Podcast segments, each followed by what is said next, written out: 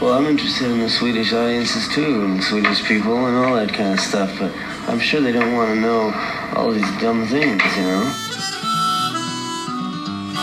I believe that they know. They know. Don't you, don't you know the Swedish people? I mean, they don't have to be told. They don't have to be explained to. Välkomna till Vi snackar Dylan, den svenska Dylan-podden och jag är er värd Magnus Ringborg. Och idag är det ett stort ögonblick därför att nu ska vi få träffa Jörgen Lindström. Välkommen Jörgen till Dylan-podden. Väl... Tack, tack. Ja. Och du har valt, då tänkte jag så här inför, aha, Jörgen Lindström, han är ju, han kallas Dylan-oraklet och den liksom den verkliga Dylan-katten och så vidare och så vidare. Han kommer att välja en låt som ingen annan har hört. Han har letat upp någonting verkligen extremt sällsynt och så väljer du, vad då? Mr Tambourine Man. Mr Tambourine Man, som man kan säga en av Bobs stora slagers. Och du överraskar, precis som Bob då. Jaha, det jag inte tänkt på. Alltså det, att jag valde det, alltså, det är klart jag skulle kunna ha valt väldigt, väldigt många låtar, självklart. Eh, det hade säkert, vi hade säkert kunnat prata om både det kända och obskyra låtar.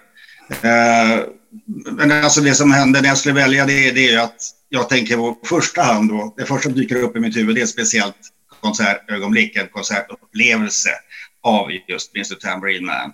Dessutom är det en låt som jag tycker väldigt, väldigt mycket om. Så att, eh, ja, men jag, jag bläddrar igenom skivor och lite sådär. Sen ska jag välja någon annan, men där kom bara tillbaka till Mr Tambourine Man. Och då, då, jag tror på magkänslan. Ja, men det är härligt. Du, vi ska verkligen borra i den där låten så småningom. Men, men först lite Jörgen Lindström. Alltså, du presenteras ju ibland som Bergman-skådespelaren och Dylan-kännaren.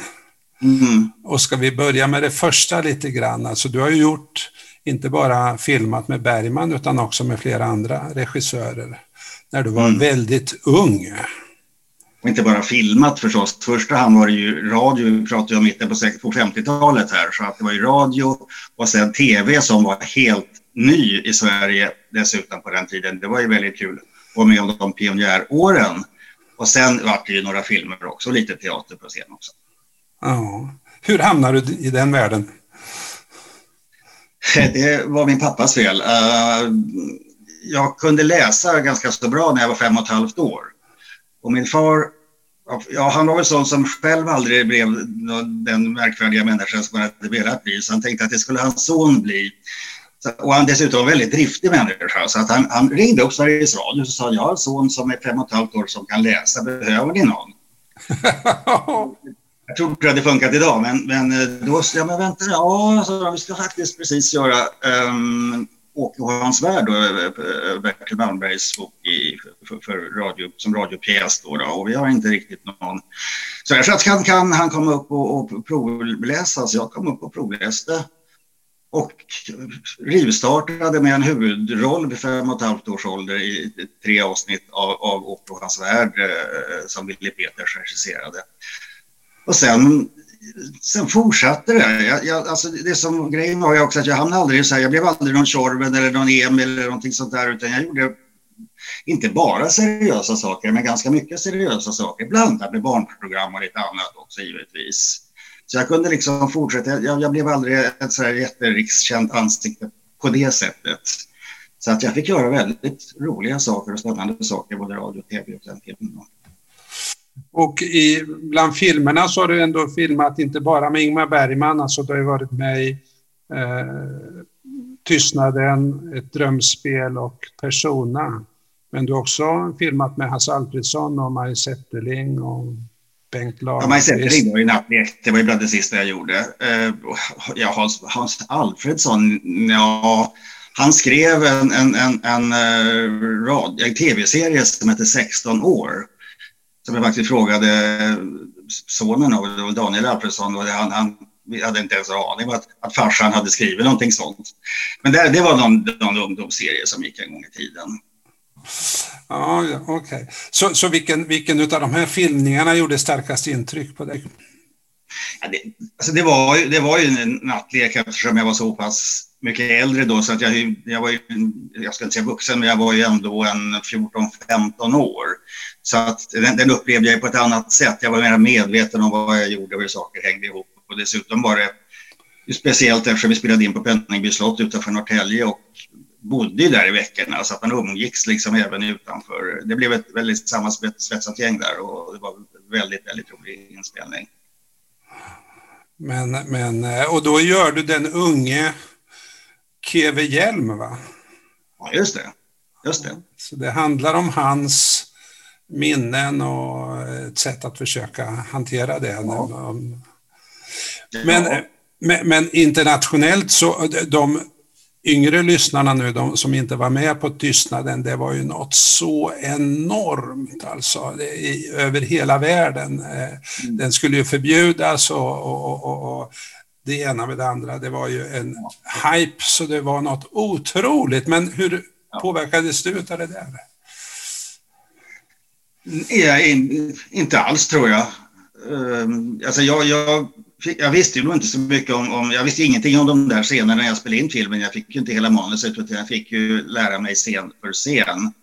Och sen så sa ju Bergman till mig att du, när den här filmen får, den ska du inte du se när den har premiär för att den är barnförbjuden och den är inte så lämplig för dig och sådär. Så att. Eh, nej, jag vill inte dö sådär. Nej, nej. Jag vill inte kvävas. Nej, det här var hemskt. Nu är jag rädd. Nu blev jag rädd. Nej. Det där får inte komma igen. Jag kan ju inte. Ah. Ah! Ah! Ah! Varför kommer inte doktorn? Ska ligga här och dö alldeles ensam? Doktor!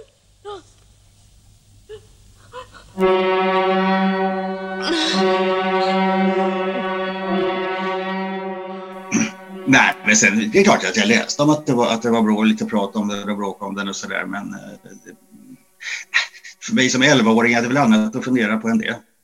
Okej, okej. Eh, nu ska jag ställa en knepig fråga till dig. Vad är kopplingen mellan Ingmar Bergman och Bob Dylan? Ja, det kan man undra. Finns, finns, finns det någon? Det var inte hans musiksmak riktigt, eh, Bob Dylan. Man kan säkert hitta en på, på avvägar. Har du hittat någon eller? Ja, men, för det första är ju Dylan väldigt mycket i filmens värld. Va? Det finns ju hur mycket referenser eh, eh som helst och vi kanske kommer tillbaka till det när det gäller eh, Tambourine Man. Men, men nu, nu, blir det lite skruvat. Jag kopplar till den här pjäsen, får jag hoppa dit, till eh, pjäsen Dylansällskapet. Alldeles nyligen ja. fick jag reda på att det finns ju ett Dylansällskap. Ja, på riktigt. Och det, du såg ju min mejladress där, DSS, ja. står ju för Dylansällskapet i Stockholm. Ja. ja, berätta vad är det för någonting? Alltså det egentligen var det en väldigt bara en praktisk historia för att nu, när vi började vad pratar vi nu då, runt 1980 någonstans, några stycken, vi blev väl fler och fler då, då som började prenumerera på de tidningar som dök upp då och vi började ju samla, framförallt samla tejper, samla inspelningar.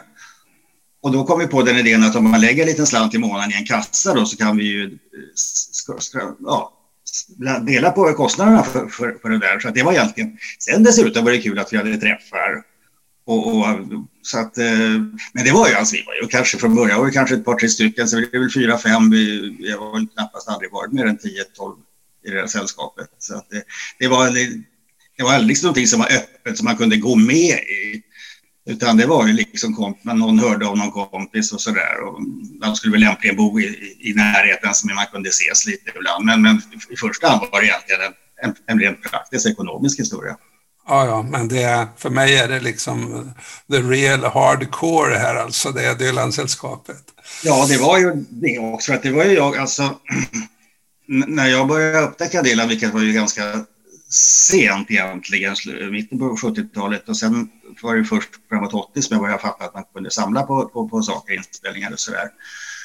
Och då gällde det att försöka hitta några likasinnade, det var inte bara att gå ut på nätet, det fanns ingen nät att gå ut på. Så att eh, man gjorde olika saker. Jag, jag, jag satte in annons i DN och fick väldigt massa konstiga svar. Jag vet inte vad det formulerat men riktigt. Så till slut så hörde någon som hette Åke Jonsson av sig och sa att jag, är det alltså frågan om att samla Dylan-tejper? Ja, äntligen någon som fattar det här. Och han hade i sin tur gått in på Hörnan, affären där på, på, på, i Stureplan som hade mycket lite intressanta böcker. Bland annat hade de väl jag tror det var, det var nog den första boken som handlade om, om, om Dylan-inspelningar. Eh, inte bara bootlegs alltså, utan tejper som hette His Unreleased Recordings och någon som heter Paul Cable. Så han har helt enkelt lappar med sin namn och telefonnummer i de där böckerna. Så att jag tänkte att de som löpte den där, han är ju säkert intresserad så han kan ringa till mig. Så man, och sen, ja, så att det gick på den vägen en, en i taget. Så att, eh, så att det, det, var ju, det blev, det blev ju alltså början på en, en riktigt, med tiden väldigt, väldigt fantastiskt bra samling, mest på kassettband då. då. Så att, eh, och den samlingen tog, tog, jag inte med mig när jag flyttade dit, men jag har tyvärr, eller tyvärr, jag har tack och lov en, en, en vän som är från början och som eh, gick med på att ta, ta över den här samlingen, för det är flera tusen tejper.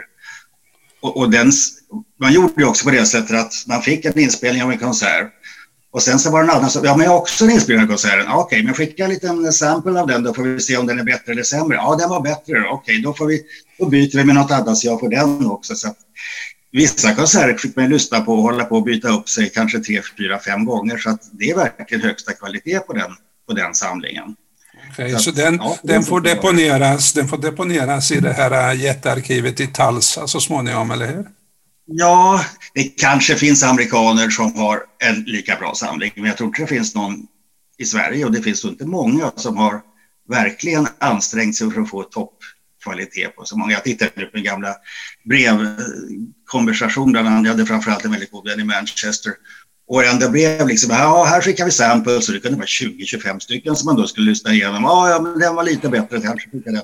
Ja, här kommer mina samples, och man satt och lyssnade på samples, lyssnade på samples. Alltså, ja det var mycket jobb det där med var roligt. Okej, okay, och då, då till den här pjäsen Dylansällskapet som eh, kom i september på Stadsteatern 2016, alltså innan han blev eh, utropad som Nobelpristagare i litteratur.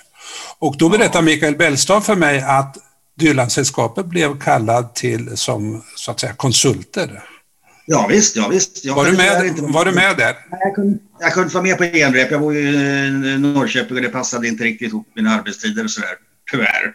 Jag, var såg pjäsen sen, men, men ja, det, det, det, var ju, det var ju lyckat. Vad tyckte du? Den handlar ju inte om, om, om Bob Dylan i första hand egentligen. Det handlar väl om, om, om eh, män som eh, växer upp och hur det är olika, man fastnar för saker. Alltså det handlar inte så hemskt mycket om vad Dylan egentligen tyckte jag. Pjäsen var, den var okej. Okay. Jag gillar Lennart Jäkel och så det var bra. Ja, jag älskade pjäsen därför den... ja, verkligen. Och, och eh, nu kommer vi till kopplingen till Ingmar Bergman. Alltså en, någon recensent skrev så här att det handlar om män som saknar språk för sitt inre liv.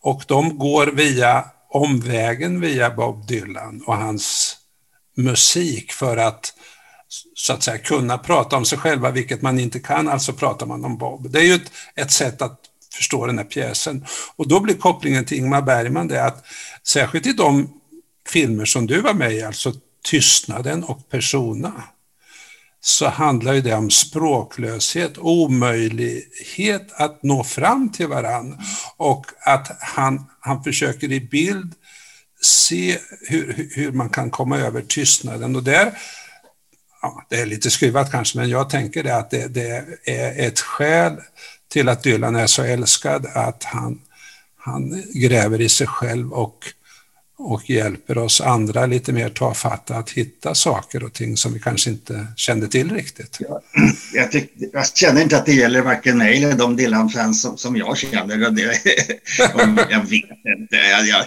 jag, känner, jag tänkte på det också. Du, de jag känner? Nej, det, jag vet inte. Jag känner inte igen det där i alla fall. Okay, okay. kompisar heller. Det kan säkert vara så för somliga, men då vet jag. Ja, äh, ja kanske. Mm, jag förstår hur du menar. Okej. Okay. Du, eh, nu är vi... Jo, en annan grej då som handlar om, om dig. Du vet, jag har grävt i arkiven här nu och då bland annat så hittade jag så här. Eh, Dylan ska spela 2007 på en, göra en klubbspelning på Debaser. Ja. Vem är först i kön där som i stort sett övernattar? Ja, alltså det, var inte så, jag, det hade ju fått skämmas som jag inte var. Jag bodde ju 500 meter därifrån ungefär just då, så det var ju bara att så fort det blev klart bara kuta. Så att det, ja då, jag var först i kön. Hur var konserten? Hur var konserten? Ingen vidare faktiskt i Baser. Det, det, det, nej, det var, det, det, var, det var en besvikelse får man väl säga. Det, däremot nästa gång som han spelade på litet, när han spelade på, på, på uh, Berns, det blev ju lyckat och en, enda gången dessutom som han körde Billy och sådär. Äh, det Baser-spelningen blev lite sådär. Mhm. Du var där i alla fall. Om du får välja eh, någon konsert som du håller högre än andra. Du har ju sett rätt många. 158 stycken, ja. Så, så att det, det går ju inte att välja en konsert. Det är ju helt fullkomligt omöjligt. Um, jag, jag har listan framför mig här nu och det är ju bara som sagt, det, det, det går inte att ta fram en konsert. Men det är därför jag har tagit fram ett konsertögonblick från en konsert som jag dessutom gillar som helhet. Och det var en, eh, min, min favoritperson, Mr. Tambourine Man. Då. Men jag menar annars, herregud. Den första konserten i Göteborg som när jag var nybliven Dylan-fan, de går ju inte att komma förbi. Men, men, men sen, eh, så, sen på, på eh, Newcastle fotbollsarena och stått och plågats hela dagen i hettan och sen äntligen så kommer Dylan och gör en fantastisk spel. Det är det också. Och sen, eller när man var nere i Fréjus i Sydfrankrike och Ringo Starr kommer in och spelar trummor på några låtar. Alltså, jag kan räkna upp hur många som helst. Okej, vi får sluta där. Vi får Cirkus bromsa. Stockholm pratade, pratade, alltså det pratade ju Micke Bellstav om Cirkus Stockholm också. Jag älskar ju 91 överhuvudtaget. Och konserter på Cirkus Stockholm, det var ju också något av det mest fantastiska upplevelser. Ja, det, jag kan hålla på länge.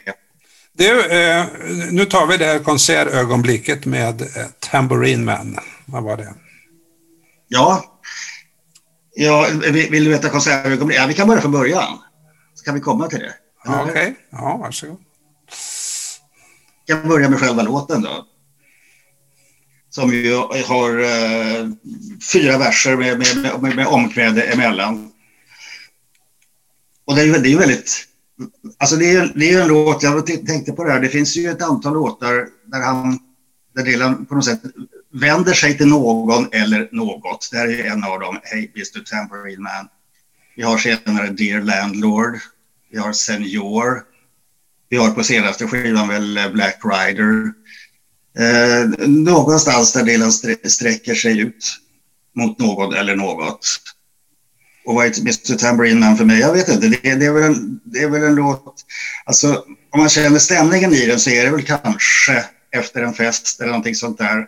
Han är ute på gatan på väg hem. Det är lite liknande kanske Visions of Johanna fast man då är inne i en lägenhet. Det, det, det, det är lite noll, nollläge som jag upplever det. Och, och att det handlar om att överlämna sig på något sätt. Han, han längtar efter att överlämna sig i detta nollläge, play a song för mig och, och all, allt som den här texten innebar. Um, jag läste just Paul Williams som jag tycker är en av de här som skriver bäst om Bob Dylan. Han, han säger att det finns bara ett ord för låten handlar om freedom. Kanske, kanske, men, men uh, att, att överlämna sig skulle jag säga. Mm. Ja, vad säger du? Ja, ja, alltså. det, det, det, det är ju, om vi tänker vad som händer i de här verserna, så är det ju i början så är han ju efter en lång natt, han är trött och ensam mm.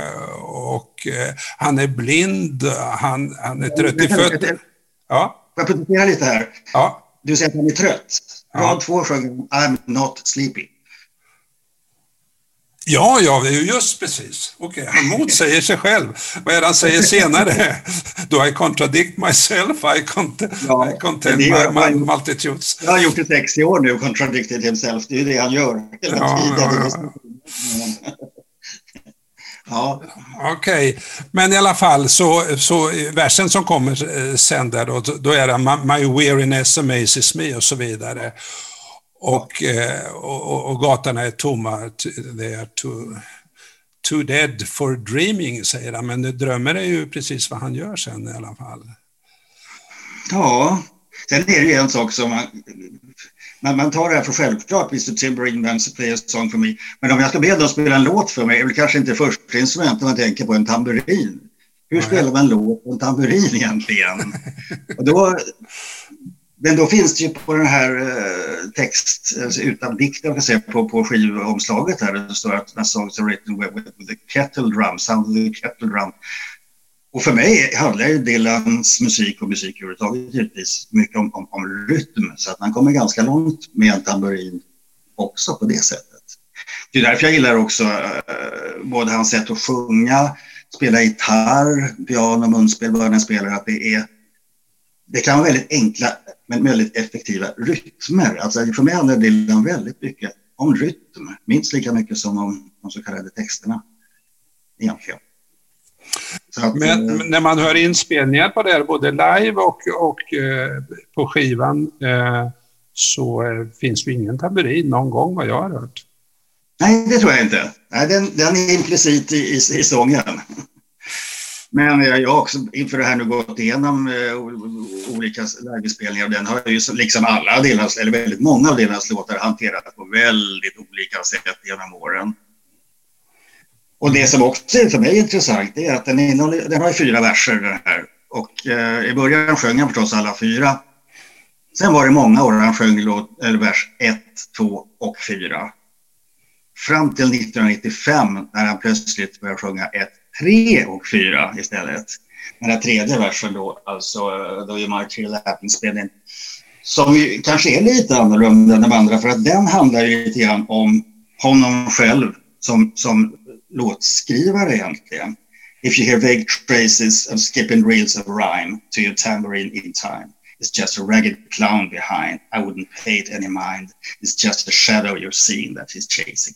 Han sjunger på något sätt, det är meta han sjunger egentligen om, om den sången som han just håller på och sjunger. Ja, kan det vara det här som är så, så mycket diskuterat, att han ändrade inriktning i mitten på 60-talet och att, att, han, att han följer en ny rytm och att han lämnar den här eh, Ragged Clown behind. Alltså skulle det kunna vara hans, hans gamla sätt att sjunga eller? Jag tänker så. Ja, jag vet inte. Ja, det kan man också tänka. Man kan tänka på många sätt. eh,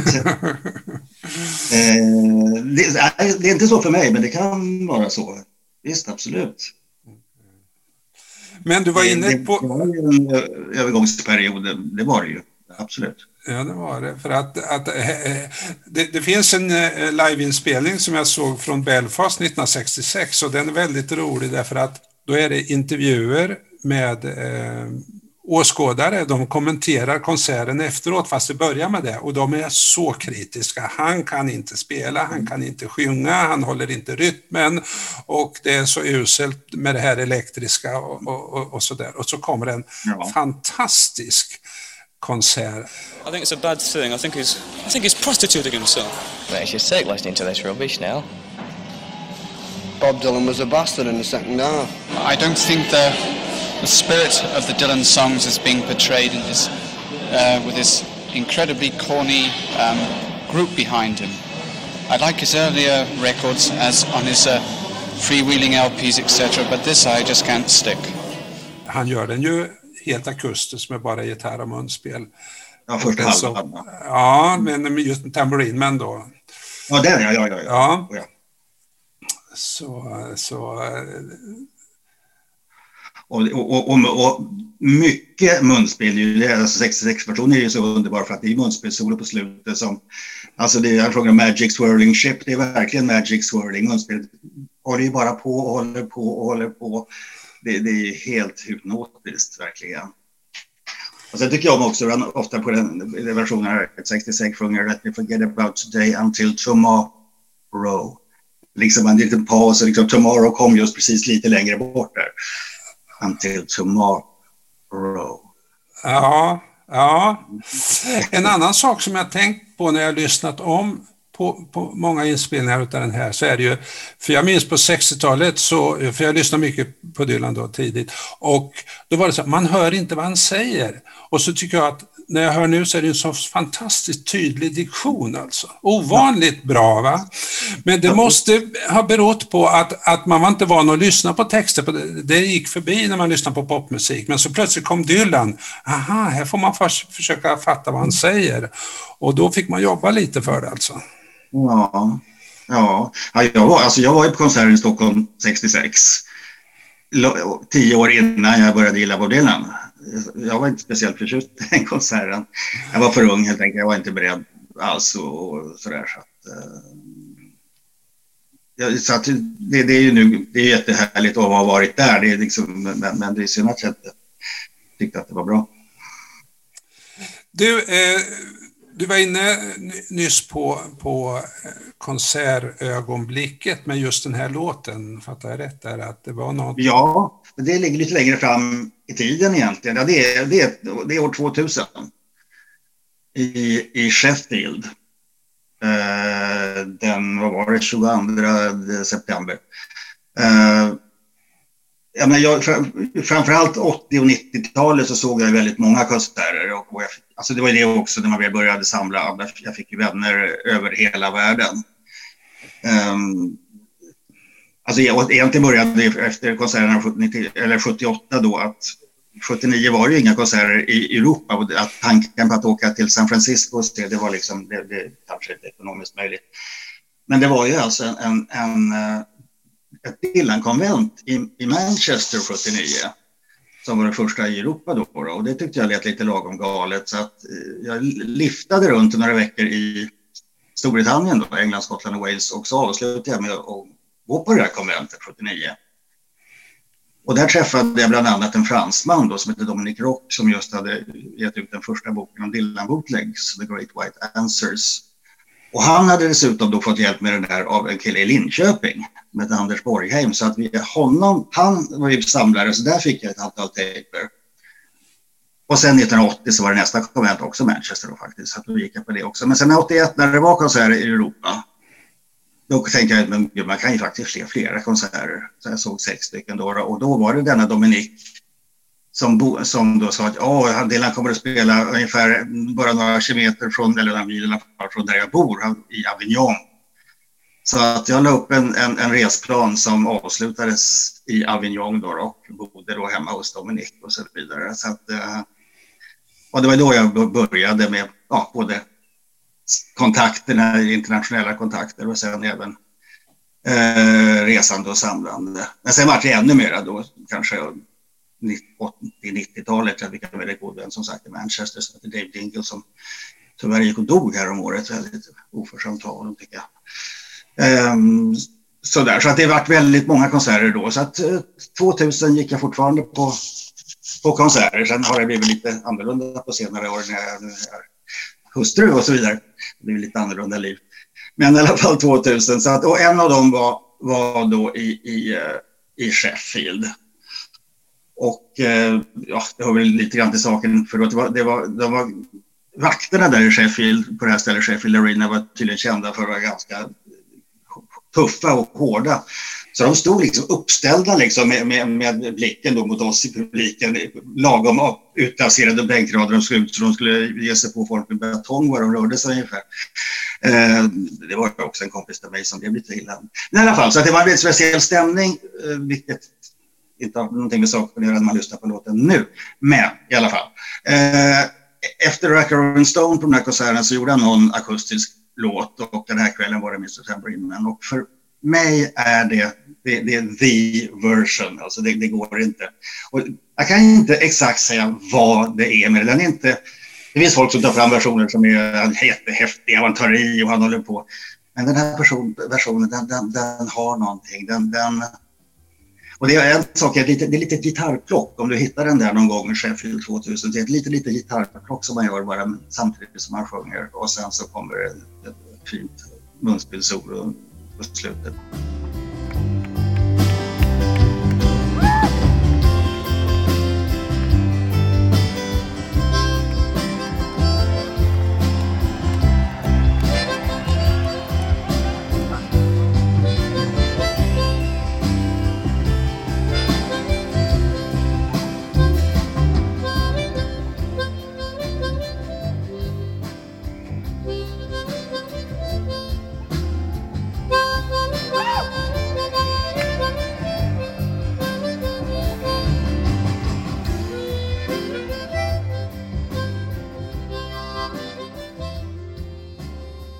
Men det, den har bara någonting.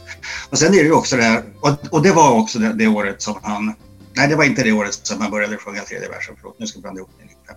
Nej men i alla fall, det, det, det, mm, det här Play a song for me, han kan ju ändra betoningen på det här också. Play a song for me var ju väldigt länge, så plötsligt så blir det Play a song for me, vilket han sjöng mycket på den versionen.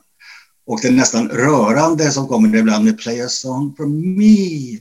Man liksom, det är nästan som en liten barn, kan jag få en liten låt? det finns så mycket man kan göra med, med en, en, några, det är det som han är mästare på, att, att ta en, några rader som jag hört miljoner gånger och plötsligt göra en liten, liten ändring i betoningen. Man plötsligt vaknar till, jaha, så öppnas det en, en ny betydelse. Och, det, och ibland är det bara en, en sång som är eller en version som bara, den, är bara... Så att, att jag satt i Sheffield och tårarna bara rann, de bara strömmade ner för ansiktet på mig. Det, det var en sån här... Ja, men det är, du ser alla pratar om Dylan, många har ju så här nästan religiösa upplevelser. Ja. Alltså, är, man kommer in, alltså det var, det var, det var ett ögonblick som jag, jag glömmer aldrig det. Det går inte och jag tycker fortfarande, jag hör den versionen i efterhand, att det är en väldigt fin och speciell version. När man hör eh, alltså på många liveversioner då, då står han ju ensam med gitarren och, och munspel. Men på skivan Bring it all back home, då är det ju, där står han och, slår en rytm på sin gitarr, ungefär som My Boat Hills går Wandering, som de går av sig själv på något sätt när gitarren trampar på. Och så ja. kommer Bruce Langhorn där bakom på något sätt med, med ett väldigt ja. försiktigt plingande som, som för mig är den där locktonerna på något sätt som man försöker mm. följa. Sen är det ju också tydligen, om när man då ser och läser i böcker och sånt, att just Bruce Langhorn, han var ju känd för att gå omkring med en jättestor tamburin på gatan som han spelade på. Så att det finns en koppling där och det är väl därför det kanske blev Tambourine Man, för det, det, är ju då på ett sätt Bruce Langhorn, eller om det är mycket mer än så. Nej, och sen var det ju alltså, om vi går till ett annat år, det finns ju, alltså, titta på versioner från 1978, där han började då i Japan tidigt på året med en lite trallvänlig version, en liten flöjt som struttar fram och slutar sen i USA med en enversversion som är fullkomligt galen och vildsint brutal, bara under samma år. Men sen 1995 gjorde han någonting och då, då gjorde han ju detta att han plötsligt började sjunga tredje versen istället för andra versen. Och dessutom så stod han ju och sjöng den här helt utan gitarr. Han stod bara med, med ja, som han gjort mycket på senare år, Center Stage. Förutom att han hade det där munspelet i handen och efter, på slutet, sista versen, så kommer ett fint munspelssolo där. Men, men 95, och han sjunger en så otroligt, jag vet inte om du har hört en 95-version, han sjunger så innerligt mjukt och vackert. Alltså det, är, det är kanske den vackraste versionen och då är det bara han utan gitarr då, och så är det John Jackson på gitarr och Bucky Baxter på, på, på steel guitar som gör en lite fint solo då, då. En väldigt, väldigt mjuk version på just 95. Då jag också såg ett antal konserter, det var ju speciellt varje kväll folk satt som i kyrkan varje gång han tog fram den här Mr Tambourine det året. Så nu är det ett tag sedan han körde den live. Det, eh, eh, vi snackar ju Dylan här, men ibland lite covers. Alltså The Birds cover gjorde ju starkt intryck på, på popmusiken och även på Dylan. Ja, ja, då. ja visst. Visst, det blev, det, det blev ju en, en, en liten hit för honom. En, en jättehit. Ja. Och, eh, och så eh, har han ju sjungit flera gånger ihop med Roger McQueen. Det finns en sån där liveversion när de har en konsert till, eh, för att hedra Roy Orbison 1990. Mm. Och det tycker ja, jag är lite kul att se, för då, då Dylan han står ju där och sjunger andra stämman ihop med David ja. Crosby. Och så står det Roger McQueen och sjunger första stämman och så vill han mm. peta in Dylan där. Ja. Och Dylan vägrar, liksom. han, han fortsätter med sin andra stämma. Rogers låt där ungefär. Ja, och till slut så går han med på det. Han gör ju, han, han gör ju en liten teaterföreställning. Han, han, han, är ju, han, han vet ju det är inte för inte som, som den underbara Paul Williams kallar sin bokserie om Dylan, performing artist. Han är ju hela tiden någon sorts, han gör visst förut, det är ju som den här 91 när, när han får uh, det där priset då, Jack Nicholson, han står och ska bara tittar på det först och till slut och folk undrar hur det är med honom egentligen. Och sen så drar han iväg en, en, en liten anekdot eller vad jag ska kalla det för om sin pappa och, och det här. Och så, och, och så är det liksom, så lyfter han på hatten precis och så vänder han. Så det är som en hel liten restlessness that has enabled you to seek newer and better means of expressing the human condition with words and music, for living your creative life fearlessly and without apology, and leading the way no matter how the times change. The National Academy of Recording Arts and Sciences joins a worldwide network of grateful fans in presenting you this Grammy Lifetime Achievement Award. Congratulations. Alex.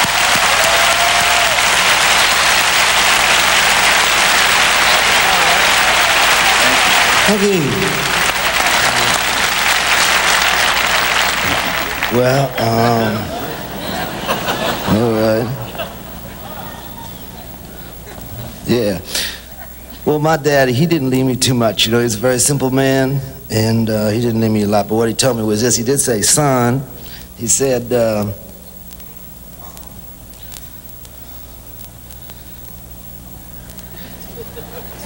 he said so many things, you know.